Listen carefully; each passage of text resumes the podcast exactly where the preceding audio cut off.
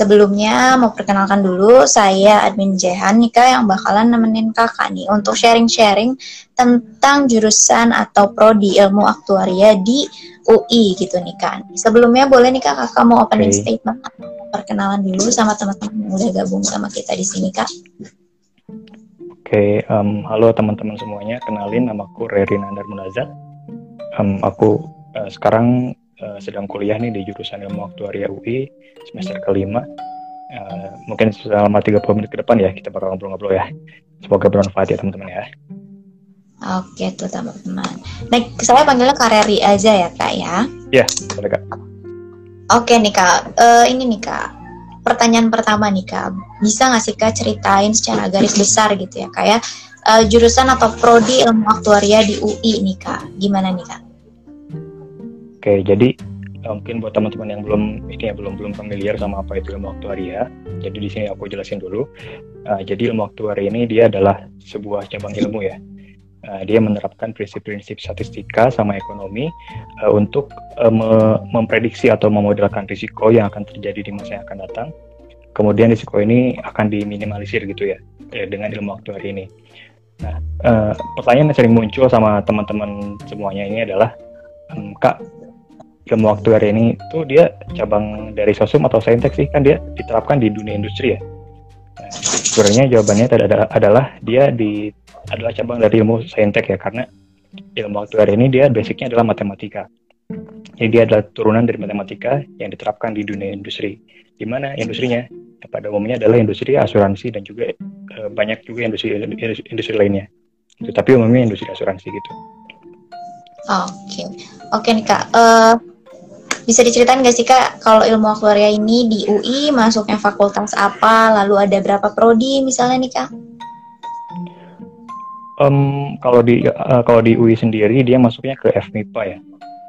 Uh, mungkin kalau maksud kakak tadi berapa prodi di, di seluruh Indonesia kali ya. Uh, yang saya tahu sekitar ada 10 kali ya 10 prodi.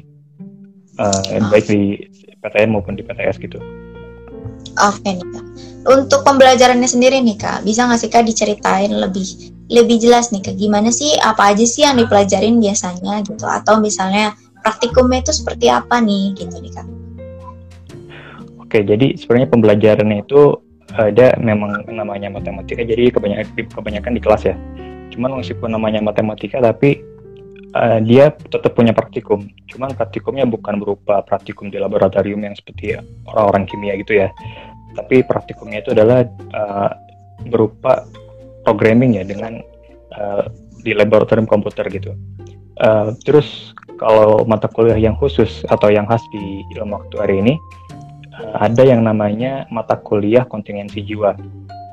Jadi di sini kontingensi jiwa itu uh, kita memprediksi nih uh, ada sekelompok orang dengan uh, tingkat kematian sekian. Uh, kita prediksi kira-kira bagaimana uh, kalau dia ikut asuransi uh, bagaimana pola uh, klaimnya kayak gimana jadi nanti kita dari hasil itu dari hasil analisis itu kita bakal menentukan premi yang akan diterapkan ke orang ini seperti apa nah, mungkin buat teman-teman yang orang tuanya punya asuransi nah preminya itu ya atau iuran bulanan yang sering dibayarkan oleh orang tua teman-teman itu dihitungnya oleh ilmu aktuaria atau aktuaris ya orang yang jago di bidang aktuaria itu. Terus ada juga nih uh, yang namanya mata kuliah uh, magang ya. Uh, memang uh, khasnya itu adalah di aktuaria ada mata kuliah magang. Jadi sebelum ada uh, apa kampus Perdeka, jadi ilmu aktuaria ini sudah menerapkan yang namanya blended learning ya dengan kalau ada uh, teman-teman magang di luar nih misalnya, nah program ini program magang itu bisa disetarakan SKS-nya gitu dan juga satu lagi yang yang ciri khasnya itu adalah kalau di ilmu aktuaria UI jadi ada beberapa mata kuliah yang uh, langsung diajarin sama aktuaris gitu jadi nggak cuma dosen matematika doang tapi ada juga yang uh, mata kuliah-mata kuliah yang langsung uh, prodi ini uh, minta bantuan sama aktuaris untuk mengajarkannya jadi langsung dari ahlinya gitu sebagai praktisi gitu kak oke okay. wow. Halo Intipers! Sebelum lanjut mendengarkan podcast ini, kami dari intipkuliah.com punya info menarik untuk kalian siswa SMA sederajat. Ayo ikuti tryout online persiapan masuk perguruan tinggi secara berkala bareng Intip Kuliah. Selain itu, bagi kalian yang masih bingung pilih jurusan kuliah, bisa ikut psikotes dan konsultasi jurusan secara online bareng psikolog atau konselor di Intip Kuliah. Nah, untuk informasi lebih lanjut, kalian bisa chat WhatsApp kami di 0821 2222 0486 atau kunjungi website intipkuliah.com. Selamat mendengarkan kembali Intipers. Menarik sekali nih. Nah ini untuk uh, ini nih kak, lingkungan belajarnya atau kebiasaan belajar anak-anaknya nih kak. Kan kita kita sering dengarnya gitu ya kayak wah anak matematika pintar-pintar semua nih, ambis-ambis semua nih. Ini gimana kak kalau di ilmu aktuaria UI nih kak? Kalau di ilmu aktuaria UI mungkin uh, tidak nggak seperti itu ya, karena ya memang sebagaimana di kampus-kampus lainnya uh, ada ada juga yang namanya kegiatan-kegiatan kemahasiswaan. Uh, tapi uh, yang yang khusus ya, yang khas di ilmu aktuaria UI sendiri, kegiatan-kegiatan banyak kegiatan kemahasiswaan yang sudah diarahkan itu untuk uh, menuju ke dunia kerja ya. Uh, misal ada seminar-seminar bersama uh, para aktuaris, terus ada juga mentoring-mentoring uh, gitu ya, dan lain sebagainya. Uh, terus juga uh, ada juga bentuk kegiatan mahasiswa lainnya yang memang uh, di luar di luar hal itu ya di luar di luar apa uh, membahas seputar ke, ke apa ke dunia pasca kampus uh, dan uh, banyak juga kok peminatnya. Jadi nggak terlalu uh, apa baca-baca buku mulu atau nggak terlalu belajar mulu nggak kok. Uh, jadi memang yang namanya aktuaris itu kan uh, perlu dituntut ya dituntut juga untuk bisa uh, selain memahami apa yang ada di kuliah tapi juga bisa manajemen ya uh, di dalam organisasi kayak gitu. Jadi uh, sangat didukung lah untuk bisa uh, menuju ke apa lingkungan pasca kampus gitu. Oke, okay. oke. Okay. Hmm. Ini juga pertanyaan kak menyangkut tentang tadi kan sudah disinggung tentang uh, magang gitu ya kayak katanya ya. ada yang bertanya uh, ada rencana magang di mana kak katanya. Terus magangnya itu difasilitasi kampus atau nyari sendiri nih kak? Oke, kalau kalau saya sendiri sebenarnya untuk rencana magang masih ini ya masih belum ada gambarannya nih karena saya juga belum tanya-tanya sama alumni sebelumnya. Tapi kalau saya ini saya sih pengen uh, magang di kayak perusahaan kayak Prudential atau uh, Allianz gitu ya, perusahaan asuransi seperti itu. Nah, kalau untuk uh, pola magangnya seperti apa, itu sebenarnya kita bisa mencari sendiri uh, bisa mau magang di perusahaan mana tapi di sisi lain pun sebenarnya dari program studi itu juga menyediakan channel-channel uh, tersendiri ya untuk bisa uh, apply gitu magang jadi oh. banyak sih pilihannya dari prodi okay. membantu gitu Oke tuh teman-teman, jadi tadi yang bertanya kesempatannya terbuka lebar gitu ya. Ada yang difasilitasi dari kampus, ada juga yang memang perusahaannya membuka sendiri dan kita mencari sendiri gitu ya kak ya. Nah ini nih yeah. kak untuk uh, konsentrasi atau kelompok peminatan gitu ya kayak di di ilmu aktuaria UI ini ada nggak sih kak? Biasanya kalau ada di semester berapa nih kak? Oke, jadi untuk uh, peminatan atau konsentrasi itu ada ya sebenarnya jadi ada tiga nih yang yang yang saya tahu ya. Jadi ada asuransi umum, ada asuransi jiwa, sama dana pensiun. Kok asuransi asuransian ya? Memang ya karena uh, ilmu aktuari ini tuh dia pada intinya memang diterapkan di dunia asuransi, tapi nggak menutup kemungkinan untuk diterapkan di industri yang lainnya seperti investasi atau yang lain semacamnya. Gitu. Uh, kita bisa mulai mengambil konsentrasi sebenarnya dari semester 5 ya. Kalau misalnya SKS, SKS-nya memenuhi. Uh, tapi pada umumnya sih uh, diambilnya itu di semester 6 ya karena kalau semester 5 sih uh, rata-rata masih uh, belum menuju ke sana ada sih beberapa cuman orang-orang yang sudah ngambil SKS banyak sebelumnya gitu ya. Jadi bisa langsung ambil di semester 5 gitu. Tapi umumnya sih di semester 6 gitu. Oke kalau kakak sendiri apa nih kak? Mau ngambil apa? Kalau saya kalau saya sendiri sekarang uh, sudah mulai mengambil program dari ini ya program uh, dana pensiun ya. Ya, ya sekarang sudah mulai ngambil mata kuliah mata kuliahnya. Dan cukup susah sebenarnya ternyata. Tapi ya tek, uh, aku jalan dijalanin aja gitu. Bisa ceritain gak sih kak nih di di konsentrasi tadi dana pensiun apa aja sih kak yang bikin susahnya gitu atau yang yang berkesannya gitu nih kak? Uh, yang berkesan ya? Uh, jadi uh, dengan belajar uh, teori dana pensiun ini sebenarnya jadi uh, aku banyak tahu ya bahwasanya oh ternyata kalau orang uh, apa kalau ada pegawai yang pensiun itu kalau perusahaan udah ngasih benefit-benefit atau merencanakan benefit-benefit pensiunnya itu dia nggak nggak sembarangan ya. Misalnya ini kalau kamu pensiun kamu saya kasih bulanan sekian misalnya. Nah, si angkanya itu dia nggak nggak sembarangan dikasih gitu. Jadi ada ada berbagai faktor-faktor yang perlu dipertimbangkan dulu nih. Kayak dari pengalaman sebelumnya uh, dari orang yang pensiun kira-kira ada berapa orang yang meninggal gitu terus eh, rata-rata berapa tahun dia bertahan hidup gitu kan nah dari angka-angka itu diprediksi nih uh, sebaiknya orang pegawai ini dikasih berapa gitu untuk uh, biaya hidup bulanan selama pensiunnya kayak gitu sih. Pada umumnya pada intinya seperti itu. Nah, jadi banyak tahu aja sih. Oke, menarik sekali nih kak. Ini nih kak, uh, boleh sharing nggak sih kak suka dukanya atau susah senengnya gitu kak ambil jurusan ilmu aktuaria di UI nih kak selama hampir empat tahun ini gimana nih kak? Susah senang ya. Uh, jadi kalau dibilang susah senang nggak banyak sih jadi uh, kan kalau dari ada di akademik ya kalau dari akademik sih uh, dia ini program studi yang multidisiplin ya jadi harus bisa beradaptasi lah dengan berbagai uh, bidang yang harus kita kuasai yang di yang ditentukan oleh departemen gitu. Uh, terus juga kalau misalnya dari sisi yang lain misalnya dari uh, kehidupan sehari-hari ya aku kan orang ngerantau ya kayak jadi ya pada umumnya lah pada seperti mahasiswa rantau pada umumnya uh, perlu ngatur apa pintar-pintar ngatur biaya hidup dan lain semacamnya. Tapi uh, berhubung sekarang kan PJJ ya. Jadi uh, bisa dibilang lebih ringan lah sekarang untuk untuk kendala yang seperti itu. Gitu sih kak. Oke nih kak, uh, kita langsung berlanjut aja ke pertanyaan kenapa nih? Alasan kakak sendiri nih kak, kenapa pilih ilmu aktuaria dan kenapa pilihnya di UI nih kak? Kalau aku sendiri kenapa milih ilmu aktuaria karena dari passion ya. Setiap keputusan itu harus berawal dari passion sih. Jadi uh, sejak dulu SMA aku memang sudah suka sama matematika dan uh, dulu sering ikut lomba matematika terapan juga gitu ya.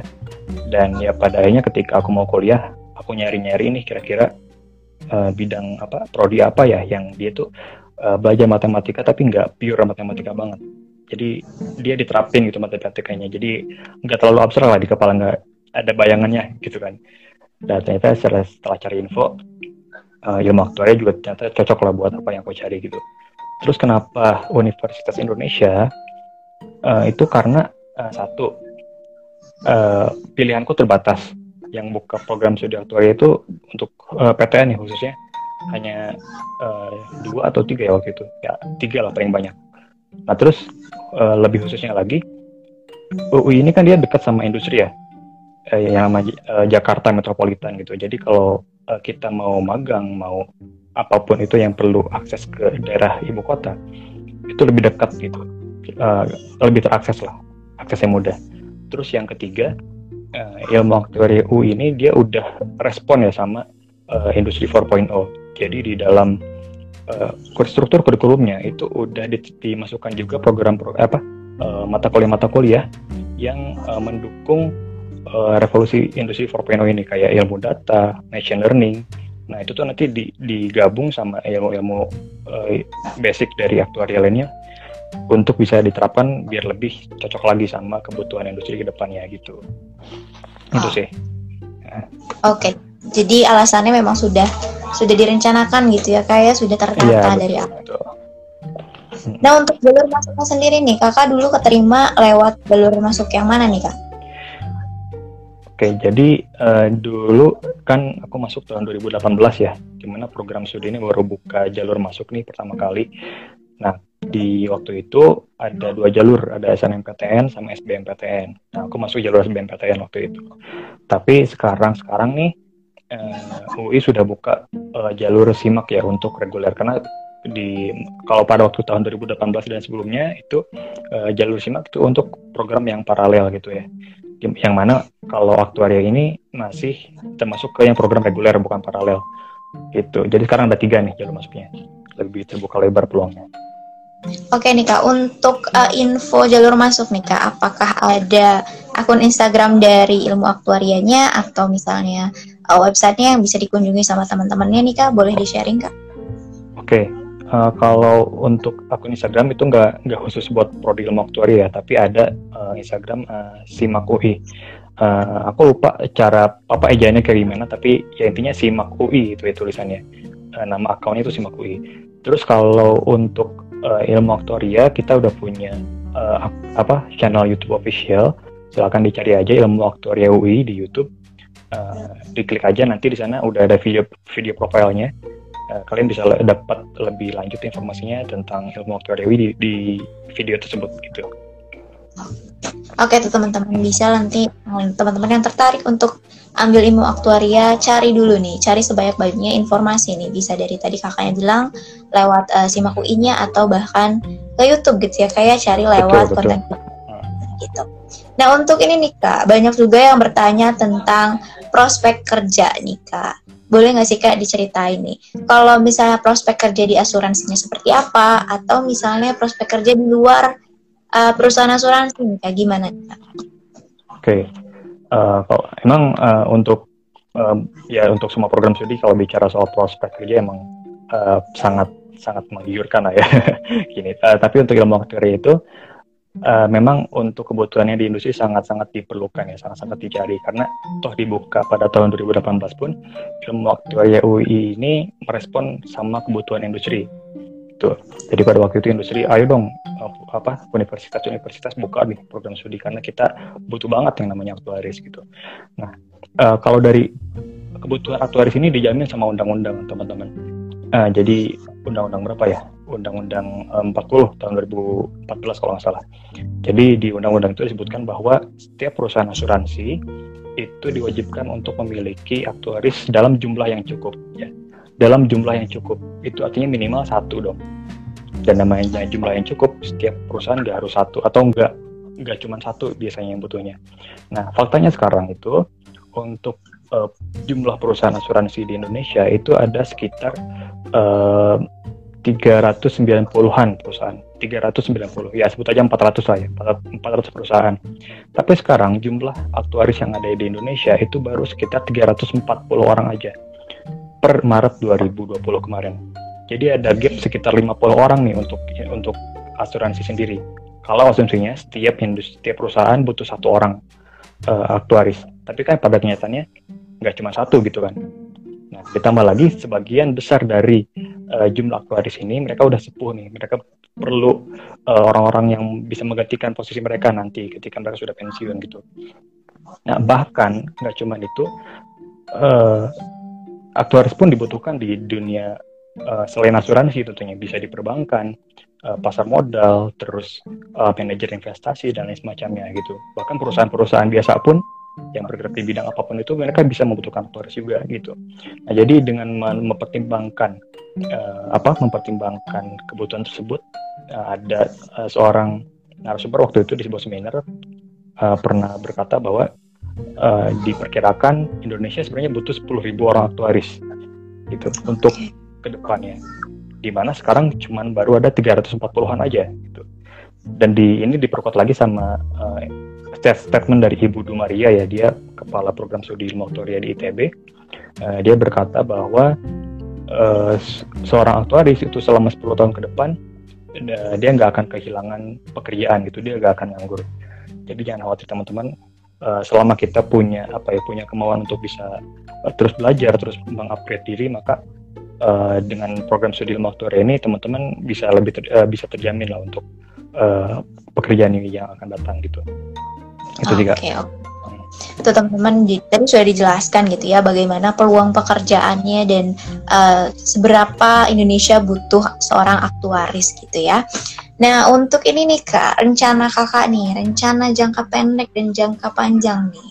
Boleh nih jangka pendek sekarang apa dan jangka panjang setelah lulus nih Kak? Boleh di-sharing Kak? Oke, kalau jangka pendek sebenarnya uh, saat ini eh, aku sedang ikutan ini ya, ikutan beberapa kegiatan sih sebenarnya. Uh, salah satu yang uh, paling diperhatikan itu adalah program uh, conference ya di luar di Turki gitu. Jadi sekarang aku sudah mempersiapkan mohon doanya juga nih dari teman-teman biar dilancarkan ya teman-teman ya. Nah, terus kalau jangka panjang nih, kalau jangka panjang uh, perlu ini sih aku aku lagi nyiapin juga buat magang di semester depan. Ya paling lambat di libur semester semester depan lah gitu kan. Jadi uh, skill-skill yang perlu di yang diperlukan juga lagi diasah nih. Kayak uh, pemrograman terus uh, penyusunan laporan misalnya gitu itu lah pokoknya lagi di lagi di dipertajam gitu untuk untuk kebutuhan tersebut. Dan kalau yang lebih panjangnya lagi tentunya uh, aku pengen bisa setelah lulus bisa langsung kerja sih, terutama di industri uh, asuransi syariah ya, asuransi jiwa syariah karena kebutuhan di sektor apa sektor itu pun nggak eh, nggak uh, kalah dibutuhkan si aktuaris itu kayak gitu sih kak. Mohon doanya ya dari teman-teman ya. Amin, semoga dilancarkan kayak semoga juga uh, terwujud nih semua harapannya gitu ya dan juga Amin. bisa lulus dan di waktu yang tepat juga. Nah, ini nih Kak, untuk selanjutnya apakah ada tips and trick nih Kak buat uh, maba-maba yang udah masuk nih ke jurusan eh ke prodi ilmu aktuaria UI gimana supaya mereka tetap balance nih antara akademik, organisasi atau bahkan uh, kegiatan lain yang mendukung di luar kampus gitu. Boleh nih di-share. Oke. Okay. Uh, eh, jadi buat teman-teman sebenarnya ya kita sudah sama-sama tahu ya bahwa uh, kita nggak nggak nggak cuman harus belajar doang gitu ketika kita masuk ke dunia kampus ya. Dan namanya soft skill itu perlu di, diasah dan dilatih lewat yang namanya berorganisasi dan lain semacamnya. Tapi uh, toh aku aku juga masih sama-sama belajar ya untuk hal ini tapi uh, kita nggak bisa lebih apa nggak bisa berat sebelah gitu. Apakah terlalu belajar atau terlalu ke arah organisasi. Tapi kuncinya adalah ketika kita memilih untuk bisa apa untuk ikut ke dalam satu kepanitiaan atau organisasi atau uh, hal apa pun itulah yang di luar akademis apa di luar bidang akademis uh, kuncinya adalah kita perlu fokus gitu. Uh, jadi kalau kita ada di ruang kelas ya kita fokus untuk bisa menyerap materi yang dikasih sama dosen gitu. Kalau kita uh, ada di organisasi ya kita fokus untuk bisa mengerjakan job kita. Jangan membawa apa mencampur-campur satu sama lain di dalam satu ruang gitu. Jangan sampai seperti itu ya. Kuncinya adalah fokus sih teman-teman Oke tuh teman-teman, jadi yang maba-maba nih yang sekarang masih kebingungan me, apa ya membagi waktunya gitu ya intinya dulu intinya fokuskan dulu nih mau ke mana gitu ya kak ya. Iya nah, betul. Untuk camabanya sendiri nih kak, calon-calon maba nih yang masih SMA, uh, eh, ada nggak sih kak gimana tipsnya untuk bisa keterima di ilmu aktuaria UI nih kak? Boleh di share? Wah kalau tips ya sebenarnya uh, berarti kita perlu bicara sejak sejak perlu uh, apa sejak persiapan SNMPTN ya. Jadi ini buat teman-teman kalau misalnya yang masih kelas 10 nih ya uh, bisa belajar lebih serius lah, lebih jadi dari awal sudah dimatangkan ini niatnya untuk bisa masuk aktuaria UI. Jadi kalau kita udah punya niat, udah punya kemauan keras, biasanya prosesnya juga akan lebih mengikuti sama niat kita gitu. Apalagi kalau kalau dipersiapkan dari dari kelas 10 gitu ya. Tapi uh, mungkin buat teman-teman yang sekarang udah mau menginjak kelas 12 nih, atau ya mungkin tahun depan akan lulus lah ya. Uh, lebih dimatangkan lagi untuk SBMPTN-nya jadi uh, diluangkanlah waktu untuk setiap uh, setiap hari belajar. Bener-bener loh setiap hari belajar. Tapi nggak usah banyak-banyak. Uh, belajar ya satu sampai dua soal sehari lah dari soal-soal SBMPTN yang penting konsisten sih teman-teman.